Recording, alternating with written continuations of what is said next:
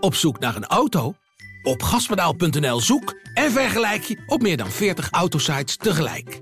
Je zoekt op de grote autoportalen en bij de autodealer om de hoek.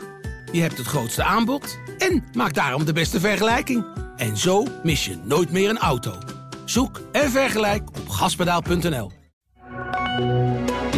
Dit is de AD Voetbal Podcast met Etienne Verhoef. De eerste achtste finales van de Champions League zijn gespeeld, maar welke ploeg springt er nou uit? Van Nistelrooy hoopt op een goed half uur tegen Sevilla. Kan Ajax de Berlijnse muur slechten? En de hardlooptrainer, de ingooicoach, de mentale begeleider. En nu is er ook de ademcoach. Dit is de AD voetbalpodcast van 23 februari met Mikkel Schauka. Jij kijkt uit naar het laatste onderwerp, hè? de ademcoach. Zie ik al aan je. Ja. ja. Blijven ademhalen, dat Ja, is belangrijk. Hè? Dat moeten we de hele podcast blijven doen. Ja, je moet in een heel koud bad, heb ik gelezen. Dus, eh, en Ook. dan moet je die ademhaling onder controle hebben. Dus Wim Hof is ook een soort ademhalingscoach dan, toch? Nou ja, zeker. Nou, daar kunnen we straks even over hebben. Wat het komt allemaal uit de Feyenoordhoek, dit verhaal. Eh, eerst even naar die Champions League. Hè. Ik, hoe, hoe ervaar jij een avond na eh, Liverpool-Real Madrid om dan Champions League te kijken? Hoe ervaar jij dat? Ja, je hoopt dat je nog een keer zoiets ziet natuurlijk. Maar ja, dat was bijna onmogelijk. Het was natuurlijk een geweldige wedstrijd. En, en die ploegen die vanavond speelden op City na... Dat zijn natuurlijk wel de mindere ploegen, hè? Inter, Porto, dus allemaal net, net onder de top. Leipzig is niet, eh, is, behoort niet meer tot, of behoort niet tot de top. Dus ja, dat is eigenlijk een beetje wegstrepen. Wat je, maar, en zeker naar wat je gisteren hebt gezien. Dus eh, je hoopt iets terug te zien van wat je die avond ervoor hebt gezien.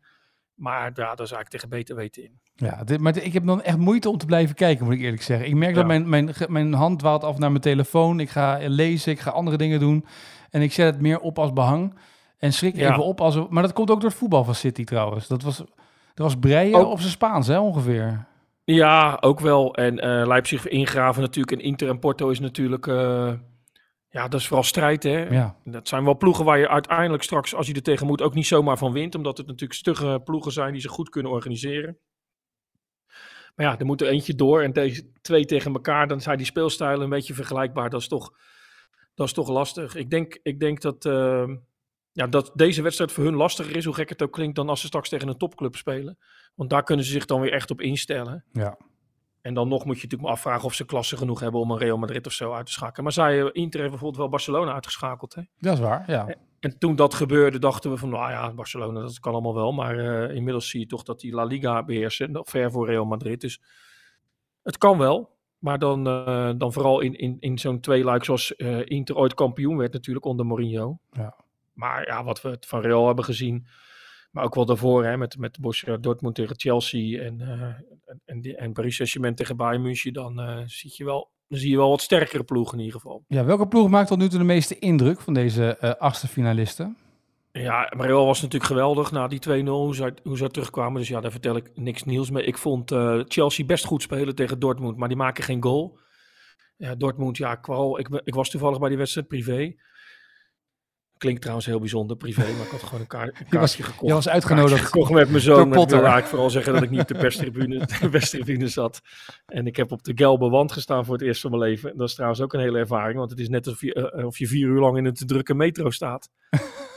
Ja, en ik is heb, dat dan, echt, ik eh, heb dan een, een zoon van in puberleeftijd, die vond dat geweldig. Geweldige sfeer en eh, geweldig. Maar ja, dan zie je toch wel dat wij ook wel een beetje verwend zijn op zo'n perstribune. Hè? Je wandelt eens voor een bakje koffie. En, eh, maar dat zit daar, als je daar wegwandelde voor een bakje koffie, moest je daarna weer eh, 4000 mensen voorbij om je plek weer een klein beetje in te kunnen nemen. Het is ook nog allemaal staanplaatsen.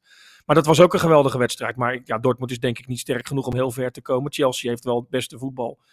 Maar die scoren we niet. Ja, ik vond Bayern München heel lang tegen Paris Saint-Germain heel erg goed.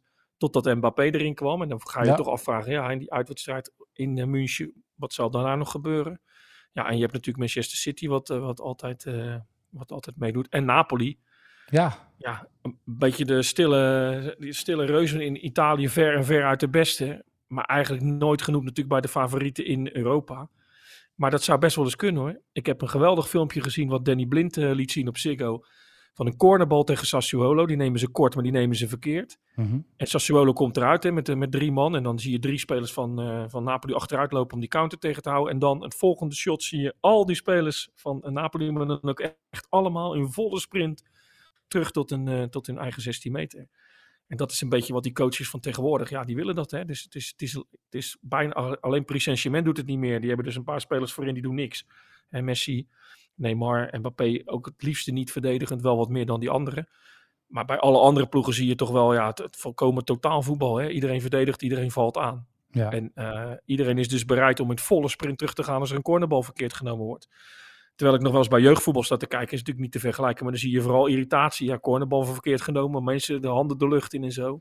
Ja. Maar, maar ja, die sprints terug, ja, daar, dat, dat is volgens mij de kracht van, uh, van veel van die topclubs. Maar ik moet ook Ze zeggen, ik zag, een, ik zag een foto van Napoli op Twitter ook voorbij komen. Dan staan ze op de middenlijn met z'n allen. Maar dan staan ze ongeveer Ja. ook met z'n allen bij de aftrap op de middenlijn. Dat je denkt, ook er komt nu een bestorming aan waar je u tegen zegt. Dat je bijna denkt, Ja. oké, eh, ik ga wel terug. Ja, ja. Maar dit is typisch Spalletti. En, eh, ik, ik heb het volgens mij wel eens eerder in een, eh, in een podcast verteld. Ik ben één keer eh na een wedstrijd, die van, toen was hij trainer van Inter. Die wonnen van Spurs. En de dag daarna was ik op dat eh, trainingscomplex voor een interview. Met Stefan de Vrij was dat. En toen kon ik eerst de training kijken. En toen deed hij eigenlijk precies wat je nu bij bij Napoli zag. Dat deed hij de hele tijd. Dus een cornerbal eh, mee. Dan, dan keeper uitgooien, de hele ploeg aansluiten. De sprints naar voren, spitsen helemaal naar voren. En weer terug naar balverlies. En dat deden ze achter elkaar. Dus het was een soort conditionele training, informatie. Dus in een, in een soort van systeem.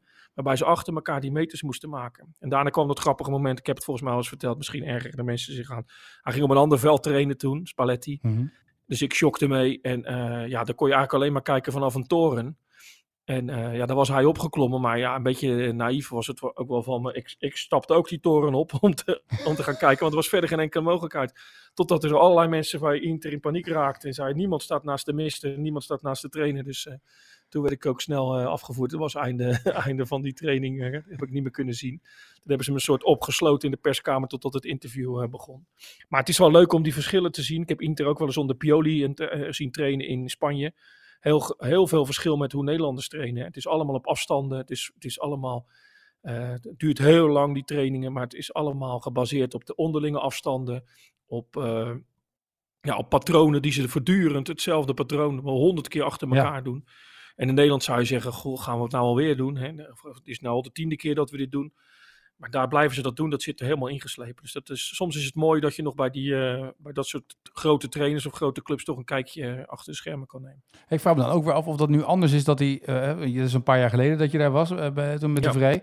Maar je ziet tegenwoordig dat heel veel trainingen tegenwoordig bijna allemaal een soort van mini-competities zijn. Hè? Dat, dat, alles, dat er overal iets van een competitie in zit om die spelers maar erbij te houden. Volgens mij zei Van Bronckhorst ook al ooit in een interview met jou... ja, ik moet tegenwoordig die oefeningen steeds korter houden. Zullen we niet steeds eh, een half uur paas trapoefeningen doen... want dan kunnen die spelers niet meer aan. Het moet allemaal kort, snel en, en veel afwisseling erin zijn. Eh, Ja. Zou dat veranderd zijn, denk je, dan in de loop der jaren? Dat denk ik wel. Ik denk dat het, we gaan, we gaan natuurlijk wel erg, eh wijken misschien erg ver af. Maar het is natuurlijk ook een beetje de generatie die eh, tegenwoordig ja, heel snel verveeld is. Hè? Eh, ik, zie het aan mijn eigen kinderen. Als die een film, als die zeggen, ah, een film duurt anderhalf uur, dan zeggen ben je gek of zo. Die gaan geen film van anderhalf uur kijken. Ja, in de bioscoop misschien nog net, maar thuis niet. Het moet allemaal korter, flitsender. Ja, je ziet ook, ze spelen natuurlijk bijna allemaal computerspelletjes. En als het niet loopt, dan zetten ze hem uit, beginnen ze opnieuw. Ja, Ja, dus, dus het idee van, nou ja, dan maar uitspelen terwijl ik slecht begonnen ben, dat, dat zit er bijna niet in. Maar dat zie je natuurlijk ook in de, in de sport terug. En je ziet het ook wel, ik, ik kom wel eens bij amateurclubs of bij jeugdvoetbaltrainingen. Ja, daar zie je het ook wel. Dus eh, wat ik net een beetje zei, de verveling slaat snel toe. Het moet eigenlijk één grote eh, eh, uitdaging voor ze zijn. En dat was vroeger misschien ook wel. Maar daar, wat jij zei, ja, had je zomaar een paase trapoefening van 25 minuten erbij. En dat Ja. vond eigenlijk niemand een probleem. Ja, als je die nu doet, dan moet je hem wel zo gevarieerd houden. Want anders eh, zeggen mensen na 10, 12 minuten eh, gaan we nog wat anders doen. Dat is natuurlijk in het profvoetbal anders. Maar daar moeten trainers ook voortdurend andere oefeningen verzinnen. En daarom ja, ehm Schreuder nam iemand mee die heel goed was in het begin van, zijn, eh, van de training om goede oefeningen te doen. Van Broncos had Dave Vos bij zich, die heel erg goed in dat soort trainingen is. Eh, Slot is er zelf goed in, maar neemt Sipke Hulshoff mee, omdat hij uitstekend is in oefenstof. Koeman wordt bondscoach, haalt gelijk Sipke, Hulf, Sipke Hulshoff, omdat hij weet dat hij heel goed in, in bepaalde oefenvormen is. Maar ook René Wormhout, als je het heel zelf ziet trainen. Het is altijd leuk om te zien hoe die, eh, hoe die opbouw van die training is. Het, het zijn allemaal spelletjes, mag weer niet te kinderachtig. Het moet variatie zijn, er moet snelheid in zitten.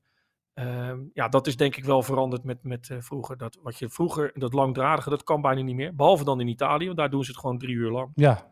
En blijkbaar zonder problemen. Maar zou de, de, de rondo zoals eh, Barcelona die altijd deed in de middencirkel met z'n allen... en dat je dan in die middencirkel stond en dat je dat, dat bijna de hele training onder Cruijff rondo was... zou dat nog kunnen of niet? Ja, die niet spelers meer, vinden toch? dat wel leuk. Voetballers vinden dat wel leuk. elke Maar het is dag? volgens mij nu... Het is meer een vormpje van... eh, ja, net voor de warming-up Ja. of, of, of, of in de warming-up om, om een klein beetje los te worden. Maar ja, Cruijff deed het natuurlijk gewoon om het pure voetbal erin te brengen. En daar hebben ze nu wel echt veel andere vormen voor. En, en, en ehm, ja, het kan nog wel. En ik zie, bij het amateurvoetbal gebeurt het natuurlijk wel veel. Maar ik denk wel dat het een klein beetje achterhaald is om het, om, om het op die manier heel lang te doen. Ja. Daar zijn andere methodes voor nu. Over straks volgens mij in de Champions League eh, was, was het bij de Champions League een, een rondootje met eh, Messi en Mbappé. En er stond eh, Hakimi, die stond in het midden. Ja, Hakimi die werd helemaal zoek getikt. Die dacht, wat doen? Ja. Die, die lag over op de grond. Weet je, dat je echt denkt, nou...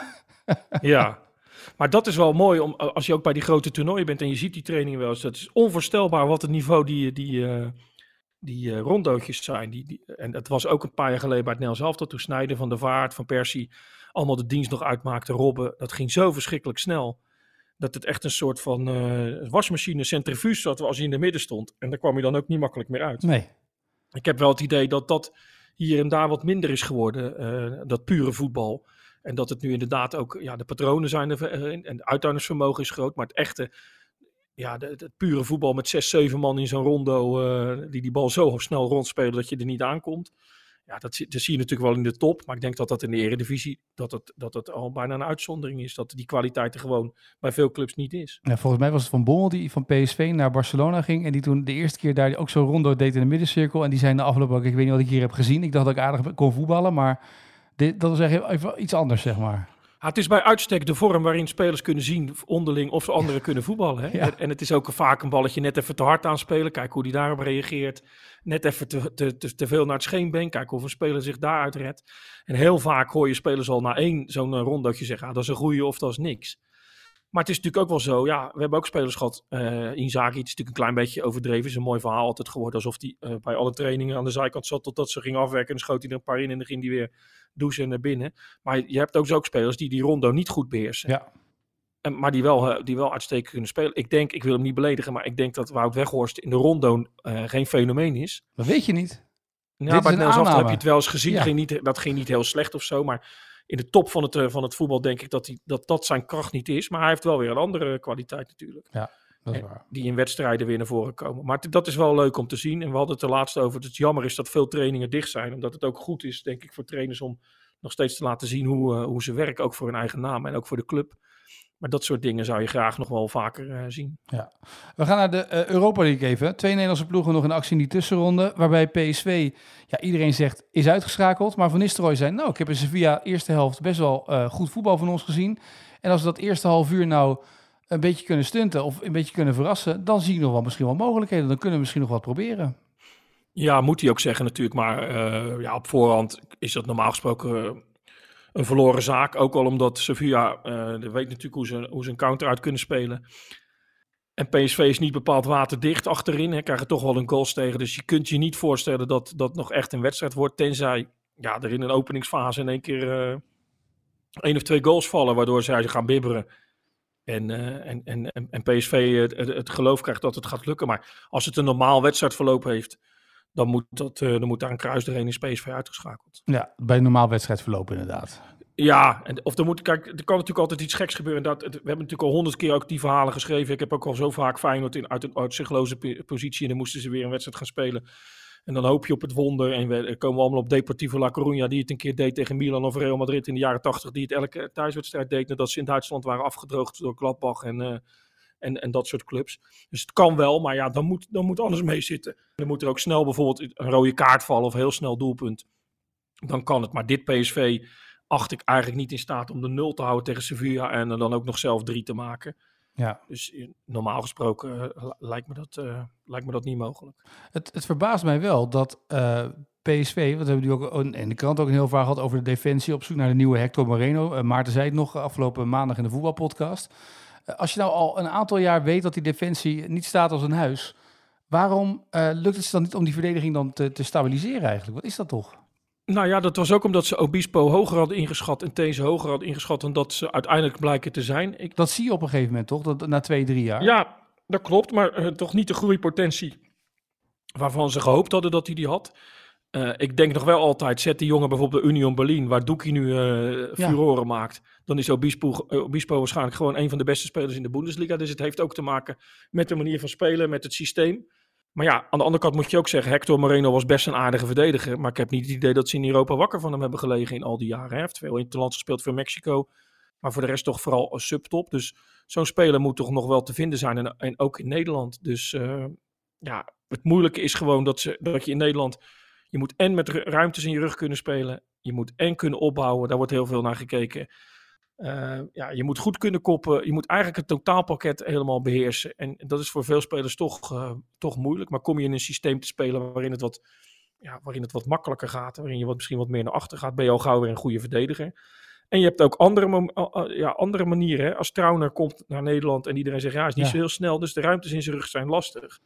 En je ziet toch dat het manier van spelen waarop Feyenoord heel veel druk zet en tegenstanders eigenlijk niet de ruimte geeft om op te bouwen, dat hij toch ook gewoon een goede verdediger is met ruimtes in zijn rug. Dus ja, het is soms ook te makkelijk om een speler meteen af te schrijven. Ik denk dat zo'n Obispo best nog wel met een stap in zijn carrière straks in één keer aan de bovenkant kan komen drijven. Of boven kan komen drijven.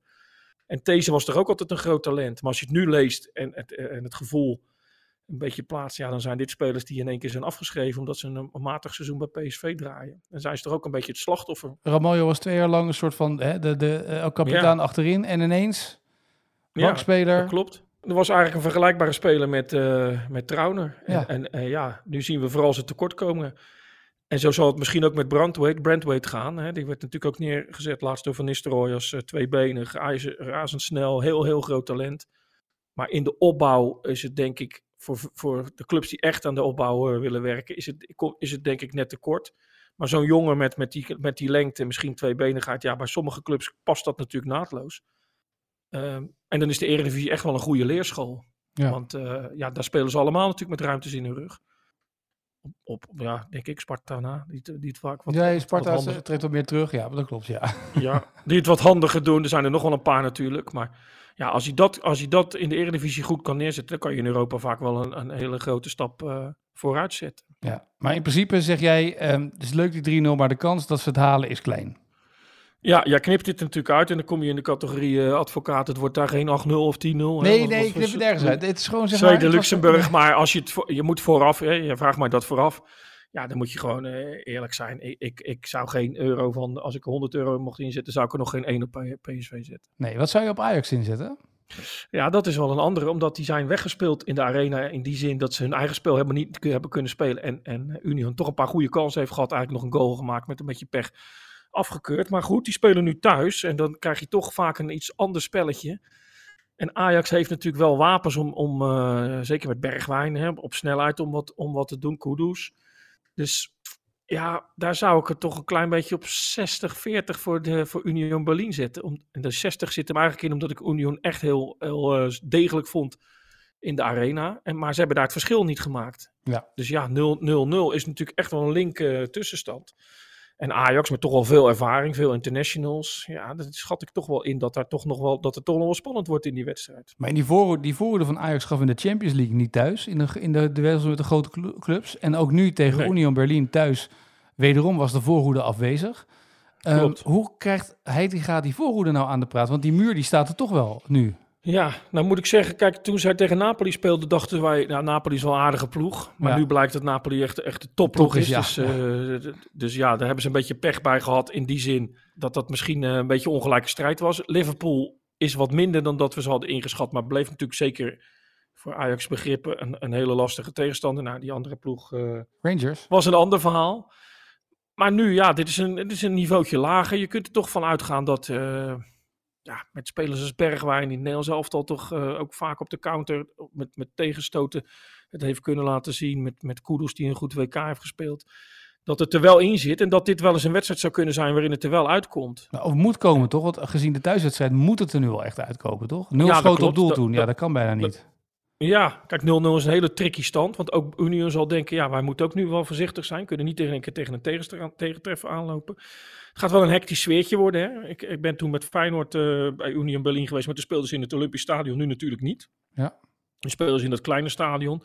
Ja, die Duitsers worden erg, erg gesteund, zijn erg fit. Maar het is ook niet zo dat zij hun wedstrijden nou allemaal heel erg makkelijk winnen. Ze hebben wel veel punten verzameld. Dus ja, ik, wat je zegt, het moet er nu uitkomen. Zeker voor Ajax, omdat ze in Europa zo graag verder uh, willen komen en, en hun naam hoog willen houden. Maar dit zou wel eens een wedstrijd kunnen zijn waarin ze daarin juist uh, uh, de juiste ruimtes gaan krijgen om toch toe te slaan. Ja. En dan dus zou het is wel een stugge club, maar die club moet ook naar voren komen om, om kwalificatie af te dwingen. Ja, en dan zou het dus vooral van Kudus moeten komen, want dat is toch een beetje de man van wie het nu allemaal moet komen bij Ajax. Ja, die is, die is in vorm natuurlijk, maar Bergwijn uh, is niet in vorm, maar die heeft natuurlijk wel uh, uh, ja, alle wapens met zijn, met zijn snelheid en zijn schot. Dus dat zou, dat zou ook goed kunnen. Ja, en, en de jongens op het middenveld, die, die mannetjes staan, Klaassen, Berghuis. Dus ja, op papier zou, is, kan het best een spannende wedstrijd zijn. En dan weet ik ook wel, ja, als je de verleden week naar hebt zitten kijken, dan denk je, wat is, wat is Ajax in godsnaam aan het doen? Hè, dat, was, dat was echt een van de zwakste optredens. Maar als je dan trainers spreekt die uh, wat langer in de voetballerij rondlopen, die zeggen dan toch, ja, het is een hele lastige, hele stugge ploeg. Dat is natuurlijk ook wel apart, want het is ook maar Union Berlin. Hè? Ja. Van Hanegem zei erover, ja, we doen in één keer net of het Real Madrid is. Dus daar voel ik ook wel wat voor. Maar trainers die zeg maar puur naar die systemen kijken, zegt, het is echt heel lastig om daar, uh, om daar ja, een vinger achter te krijgen of, of, of om een beetje je spel te kunnen spelen. Maar misschien juist nu, omdat die ploeg in een thuiswedstrijd uh, toch een goal moet gaan maken om te kwalificeren. Ja, is het misschien net even wat makkelijker dan dat het in de arena was. En ik heb het idee dat Ajax sowieso al buiten het eigen stadion de laatste jaren iets makkelijker speelde dan, dan thuis. Al kun je dat tegen uh, Napoli niet zeggen volgens mij. Nee. Was nee. in allebei de wedstrijden niks. Nee, dat is waar. Goed, dat gaan we vanavond uh, afwachten. Morgen ook uitgebreid bespreken. Uh, we gaan even naar uh, het uitstapje maken naar de ademcoach. Uh, kwam een beetje door uh, het interview dat Pedersen gaf na afloop van de wedstrijd afgelopen weekend. Over de vele kilometers die hij maakte tegen AZ. Uh, de Volkskrant had daar een mooi verhaal over waarin hij vertelde over dat de ademcoach hem eigenlijk had geholpen om nog meer lucht te krijgen. Waardoor hij nog meer aankon in die wedstrijd. Toen ben je natuurlijk ook gelijk zelf een ademcoach gaan zoeken om nog meer te kunnen schrijven. Nog meer in die podcast te kunnen vertellen, of niet? Nee, eigenlijk niet. Ik, ik uh, zat ook bij, dat, uh, bij die persconferentie waarop hij het vertelde. Ik had hem uh, ja. twee weken geleden geïnterviewd en hebben we, het, hebben we het daar niet over gehad. Dus er zijn nog altijd onderwerpen als je de juiste vraag stelt. En dan, dan weet je dat al veel eerder. Mm -hmm. Maar die middag dacht ik niet aan de vraag: doe jij misschien ook aparte dingen buiten de club om? Of heb je misschien een ademcoach? Ik wist niet eens dat het bestond. Maar hij, ja, hij vertelde het eigenlijk heel simpel. Hij heeft de hoogste cijfers op het gebied van statistieken met high run, sprints, noem alles maar op. En dat wil hij eigenlijk uitbouwen. Ja. En uh, ja, op die manier is die, zijn, zijn vriendin is ook een tophockeyster. Uh, zoeken ze naar allerlei manieren. Dan zeggen we eten heel erg uh, gezond, dat soort dingen. Maar we zoeken ook naar manieren, naar uitdagingen om nog wat verder te komen. Ja, daar kwam hij dus, daar kwam hij dus bij dit. En ik begreep dat het inderdaad is je, je ademhaling onder controle houden. Meer CO2-opname, zo, zo, noemde hij het Ja. zelf. Dus die trucs ken ik niet precies. Maar goed, ik ben daar wel eens cynisch over geweest. Zeker toen jij elke keer met het uh, vervelende Bodo Klimt kwam. maar ik moet ook zeggen, ja, als het, als het maar een procentje helpt, uh, ja, dan is het toch misschien voor zijn speler heel belangrijk. En Slot gaf daar ook wel een aardige uitleg over. Die zei van ja, uh, ik was zelf een aardige speler. Ik had misschien in, een, in deze periode miljonair kunnen worden. Maar als die spelers net even 1, 2, 3 procentjes kunnen winnen. Hè, met, welke, ja. met welke coach dan ook. Ja, dan kunnen ze natuurlijk uh, ook heel veel extra geld verdienen. Nou heb ik niet het idee dat het bij Pedersen de, de geld de drijfveer is. Ik heb hem echt het idee dat hij uh, ja, gewoon groot steeds beter wil worden en wil uh, presteren. En ja, je ziet ook een verandering bij Feyenoord. Want je zag in het verleden, hè, Stefan de Vrij trainde toen bij vader en zoon Kroon. Volgens Ja. mij toen vooral vader, vader Kroon. Maar nu zoon Kroon ook, ook veel doet. En uh, ja, die werd zijn aanvoerdersband afgepakt. En nu zegt Feyenoord, ja, we stimuleren eigenlijk dat als die spelers allemaal wat extra's doen, dat het goed is. Al moet je natuurlijk wel uitkijken. Ja, voor hetzelfde geld is dat bij zo'n ademcoach helemaal niet wat, wat, wat geschikt is. En gaat hij er minder van spelen. Maar ze geven ze de vrijheid om wat extra's, uh, om wat extra's te zoeken. Maar het bijzondere is, we hebben natuurlijk op vrijdag altijd... In bad, die- in een heel koud bad. Nou ja, we hebben die trainers natuurlijk eh, uit de, de, op, op weg naar de eredivisie. En Rick Kruis heeft een aantal jaar geleden al verteld over dat hij eh, een keer Wim Hof had gezien, de Iceman op televisie. Eh, en dat hij dacht van, goh, wat, wat die man daar doet met ademhalen, ik wil er meer over weten. Die is ook echt eh, op reis, die is daar naar hem toe gegaan. En die vertelde Ja. ook ja, dat zijn lichaam begon te tintelen. En ik leerde ademhaling, eh, eh, mijn ademhaling te trainen en rustiger te maken. Elke ochtend koud douchen, nou dat soort zaken. En spelers hebben er ook baat bij. Dus hij probeert het ook bij selecties ook te doen nu, ook bij VVV, om daar naar te kijken of ze van ademcoaches en onder begeleiding van een ademcoach bijvoorbeeld een ijsbad instappen, om daar wat mee te gaan doen, op een andere manier te gaan werken. Ja. Ja, we moeten het ook niet overdrijven natuurlijk. Het is maar een heel klein stukje extra wat 1% je... hè, maar gaat het als om. Dat, als dat het... Ja, nee, het is natuurlijk niet zo... Nee, maar het is natuurlijk niet zo als je er een eh, speler van DSVP eh, bij de ademcoach neerzet, dat hij in één keer, eh, dat hij in één keer een profcontract tekent. Maar het gaat natuurlijk om kwaliteit. Maar als je, als, je, als je al goed bent en je kunt dat extra procentje eruit halen, ja, waarom niet? Ja, nou ja, goed, als het helpt inderdaad. Ja, Ja. en, en ik heb ook wel eens koud gedoucht, Etienne. Maar dan denk je na twee keer koud douchen toch wel ben je godsnaam aan het doen. En dan krijg je ademhaling niet eh, onder controle. Maar als, als topsporter is het natuurlijk een heel ander, ander iets. Ja, misschien dat dat eh, inderdaad helpt. De Stefan de Vrij is ook wel eens bij Wim Hof eh, langs geweest. hè? Ja, maar jij doucht dus nu niet meer koud, begrijp ik hieruit. Je hebt dat twee keer gedaan en je dacht, nee, laat maar zitten. Doe ik niet meer. Nee, dat, ja, in de zomer een beetje. Een beetje maar nee, dan begin je die dag bijna bevroren. Maar dat verhaal van Stefan de Vrij was wel aardig. Hè? Die stond toen bij Wim Hof voor Ja. de deur. En die zei: Ja, ik kom voor de, voor de cursus. Of weet ik het hoe die het noemde. Toen zei die Wim Hof: Ja, ben je een dag te vroeg. En morgen is het leuk als je komt. En dan komt er een speler van het Nederlands elftal. oh, zei Stefan de Vrij. Wie dan? Ja, Stefan de Vrij. Zei hij: Oh, dat ben ik. Oh, zei Wim Hof. Nou ja. Maar goed, ja, die, dat is ook zo'n speler die al die kleine dingetjes oppakt. Ik heb niet het idee dat dit nou een, een- is echt iets spectaculairs is. Als je je ademhaling wat beter onder controle kunt hebben. Maar goed, ja, misschien, eh, misschien vergis ik me. En is dat net even dat, eh, dat kleine procentje extra, of twee procentjes extra, die eh, kan, kan oppikken. Nou ja, het zijn, het zijn in, de- in golven wordt ook vaak gedaan, hè? ademhalingsoefeningen en dat soort dingen. En niet zozeer om rustig te houden en in je balans. Het kan misschien helpen, je weet het niet. Misschien met een strafschoppenserie op een EK voetbal of op een WK voetbal, dat het zou kunnen helpen, hè? die ademhalingscoach. Nou, dat kan ik me, dan, dat kan ik me nog wel voorstellen. Dat je, dat, dus, dat je de spanning zeg maar onder controle krijgt. En dat je niet hoog in je ademhaling zit. Maar bij Pedersen is het echt dus eh, beter ademhalen in zijn sprints. Waardoor hij nog meer kan doen. Dus dat, dat, heeft, dat is niet zeg maar om de spanning weg te halen. Nee. Of, ja, of uit de situatie waaruit je stilstaat. Maar echt in volle inspanning. Dus ja, misschien dat het in de wielrennerij ook... eh, ik kan me voorstellen dat het daar ook belangrijk is. Of in, zeker in de atletiek. Nou ja, ze- en zo ook zeker met al die sprints die nu Ja, getrokken worden. gaan we, maar nu zijn we allemaal hetzelfde. Nu gaan we allemaal weer wekenlang achter de ademhalingscoach aanrennen. Hè? Ja, ik, ik zit te wachten op het interview. zo, zijn, zo zijn we in de journalistiek. Ja, ik zit te wachten op het Ja, interview. nee, ik, heb, ja. ik heb hier en daar wel wat teruggelezen al. Maar dit is... eh, ja, zo gaat het altijd. Want wat, Denzel Dumfries zei tijdens het EK ook iets hè, over zo'n mental coach. Ja. Kan je dat herinneren? Ja, ja. Dat ook, ook iedereen op die men- mental coach. Ja, ja, en dan komt de volgende weer en die heeft een andere coach. Dus het is wachten op de volgende speler bij Feyenoord. Die zegt, nou ja, wij, ik, ik doe heel vaak eh, zakdoekje leggen vooraf. Met eh die spelletjescoach, ik noem maar iets. En dan, eh, daar voel ik me goed bij. Ja. Eh, Ik chargeer een beetje, maar ja, dat, dat Bodo klinkt verhaal ook. Het, het wordt dan altijd een beetje uit zijn uit zijn verband gerukt. En daarom zeggen die spelers het vaak liever niet. Maar goed, voor de ademhalingscoach business, de ademhalingscoach branche, is dit natuurlijk een goede zaak. Ja, zeker. Nee, de eerstvolgende die nu met voetenyoga komt, verwacht ik ook een verhaal van jou. Dus ga op zoek naar degene die voetenyoga doet of zo. Dat we daar iets bijzonders mee hebben, toch? Ja. Ja. ja, nou als je de kampioen mee kan worden. Ja. Ja, Winnaars hebben altijd gelijk, hè? zo is het. Zullen we dan tot slot van deze podcast naar de vraag van vandaag gaan? Ja, ik had nog één dingetje. Afgelopen vrijdag speelde, dat ik hoorde een mooi verhaal. Het is kort en misschien dat de luisteraars zeggen nadat ze dat verhaal hebben gehoord. Nou, nou, wel een verhaal. Maar RKC speelde tegen Fortuna en er ging eh, een bus met, eh, ik geloof, 30 kinderen van de, van de straat, of hoe noem je dat, uit Rotterdam, eh, met een straatcoach op pad. Want Ilias Bellassani, die had kaartjes geregeld. Dat op zich vind ik dat al, al prachtig, hè. Dus die jongens heel enthousiast eh, naar die wedstrijd. En eh, ja, daar wilden ze Burak Yilmaz uiteindelijk ontmoeten. En een aantal was dat gelukt, hè, en op de foto gaan. Burak is natuurlijk echt een fenomeen voor die, voor die Turkse jongens.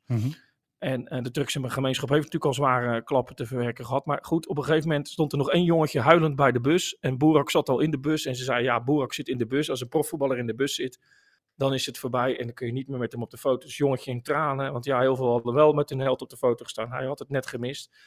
En eh, toen was er één jongen, die had in het Turks die bus ingeroepen van... er staat hier iemand te huilen omdat hij niet met Boerak op de foto was gegaan. En daar kwam hij de bus uit. Nou, ze hadden al geen succesvolle wedstrijd beleefd en zo. En hij ging nog met alles en iedereen op de foto. En eh, ja, de jongen is heel blij naar huis. En toen dacht ik, ja, het is een verhaal natuurlijk wat vaak voorkomt. Maar je ziet toch eh, dat, wat een impact het heeft als een grote speler of een held voor veel eh, eh, kleine, kleine voetballetjes. Als die toch even die moeite neemt. Dus hulde voor Burak Yilmaz, die ook heel vaak kritiek heeft gehad. Omdat hij allemaal gekke dingen riep in het veld. En omdat hij de leiding zou hebben genomen en no- noem alles maar op. Maar ja, dit vond ik een mooi verhaal. En degene die mij dat vertelde, die zei, misschien is dat wel eens wat voor de krant. Ik zei, nou, we hebben toevallig een podcast elke dag. En Etienne, Etienne zit de hele dag op anekdotes te wachten. Dus ik dacht, ik gooi hem er even in. Maar hulde voor, hulde voor Burak Yilmaz in deze. Zal ik hem ook maar gewoon erin laten zitten deze keer? Niet eruit knippen, deze anekdote? Zoals ik normaal altijd doe. Ja, ik, kan ook nog, ik luister hem nooit na en dan knip jij hem er weer uit natuurlijk. En dan kom ik heel trots bij die mensen en zeg ik, heb je nog geluisterd? En die zijn dan boos. die zeggen, het was helemaal niet in de uitzending. Maar dan heb ik hem niet teruggeluisterd. Nee, ik laat hem keurig staan. Dan gaan we nu wel naar de vraag van vandaag. De vraag van vandaag. En de vraag kwam van collega Inan. En dit was de vraag voor jou. Korte vraag trouwens. We hebben het uitgebreid gehad over um, mokerslag voor, uh, voor Liverpool. Die er vijf tegenkregen van, van Real Madrid, zelfs met Virgil van Dijk op het veld. Uh, er is een wedstrijd geweest waarin die uh, bij Liverpool zelfs meer goals tegenkreeg dan deze vijf van, van Real Madrid gisteren. En ik ben heel benieuwd of... Mikos? Mikos? Ik ben heel benieuwd of Mikos weet welke wedstrijd dat was. En um, wat is dus de nederlaag met het grootste aantal tegengoals voor Virgil van Dijk bij Liverpool? En het waren dus meer dan tegen Real Madrid gisteren. Nou, dat was een korte vraag. Hè? Ik weet het niet. Nee? nee. Nou, kan, hij zegt, kan ook wel eens, hè? Hij stuurde mij een app. Hij zegt, deze nee. weet Mikos 100% zeker, zei hij nog. Die gek nee. weet het. Let maar op, stuurt hij mij nog in de app. Nee, zei hij die gek? Nee, ja. Ja. ik weet hem echt niet, nee. 2020, nee. nee. Liverpool tegen Aston Villa, 7-2. Voor Aston Villa? Ja. Grootste nederlaag van oh. Liverpool met Van Dijk in het elftal. Ik kan het me niet meer herinneren. Nee, ik, nee. Ik denk dat Lag dat... het aan Virgil? Kreeg hij de schuld? Tuurlijk, vast. Zal, zal vast aan Virgil gedaan. ja, nee, was Aston Villa was het. Ja? De, ja, dat was de 7-2. Daar ging het om. Nee, ik kan me niet herinneren. Maar goede vraag. Goede, ja. vraag, goede vraag, Johan. Heel ja. goed. Nou, jij mag hem voor morgen neerleggen voor Sjoerd. Die is dan een beetje uitgecarnavald, uitgepolonaise. Ja, vraag over Napoli, Sjoerd. Misschien niet de allerbekendste club in, uh, in de eindronde van de Champions League, maar misschien ook wel de beste. Ze hebben zes strafschoppen gehad dit uh, seizoen in de Champions League. Ze hebben er drie gemist. Eén keer Kvaratskhelia, deze week tegen Frankfurt. Ze hebben ook gemist tegen Liverpool en tegen Rangers. Welke twee spelers misten ook namens Napoli dit seizoen? Eentje miste er tegen Liverpool, eentje miste tegen Rangers. Mooi, vind ik een mooie vraag. Dan mag Sjoerd er morgen mee doen. Uh, overigens ja. even een oproepje voor de mensen in Utrecht die luisteren en die vaak achter het doel staan bij FC Utrecht. Uh, ballen teruggeven. Is een oproepje nu van de, van de materiaalman. Uh, elke wedstrijd verdwijnen er 10 tot 12 ballen. Uh, die gaan dan de Bunnik-site op en, en die zijn dan daarna kwijt en die krijgen ze niet meer terug. En een bal kost toch 100 euro per stuk ongeveer voor de eredivisie. Dus er is een beetje stress denk ik bij Van Zeumeren. Dus of de ballen terug kunnen keren. Dus als mensen even luisteren, dat ze hem ook even teruggooien die bal, toch? Ja, prachtig hè, hoe je die toch altijd weer het stadion uit, uh, ja. uit weet te smokkelen. Ja, ja. ja in, de, in de NBA krijg je dan gewoon een bon voor een pizza als je de bal teruggeeft. Hè? Gewoon als die publiek inkomt. Ja. Nou ja, zoiets. Ja. Je kunt bij de uitgang gaan staan, maar dan heb je ruzie hè, als iemand hem probeert mee te smokkelen. Maar inderdaad, geef je, als iemand ze teruggeeft, geef hem een, uh, ja, weet ik het. Een pizzabonnetje. Een, een poster of een pizzabon. een poster, ook echt een poster. Nou, als het jonge supporters zijn, dus vinden ze toch leuk, ja. Is een poster, hier is een poster, poster. van Silberbouwer. Ja. een poster van FC van Silberbouwer, ja. Ja. Heel goed. Dan Mikos, dank voor vandaag. Uh, ik wens je een ja. mooie dag. Oké, okay, hetzelfde.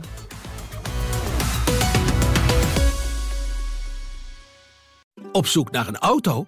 Op gaspedaal.nl zoek en vergelijk je op meer dan 40 autosites tegelijk. Je zoekt op de grote autoportalen en bij de autodealer om de hoek. Je hebt het grootste aanbod en maak daarom de beste vergelijking. En zo mis je nooit meer een auto. Zoek en vergelijk op gaspedaal.nl.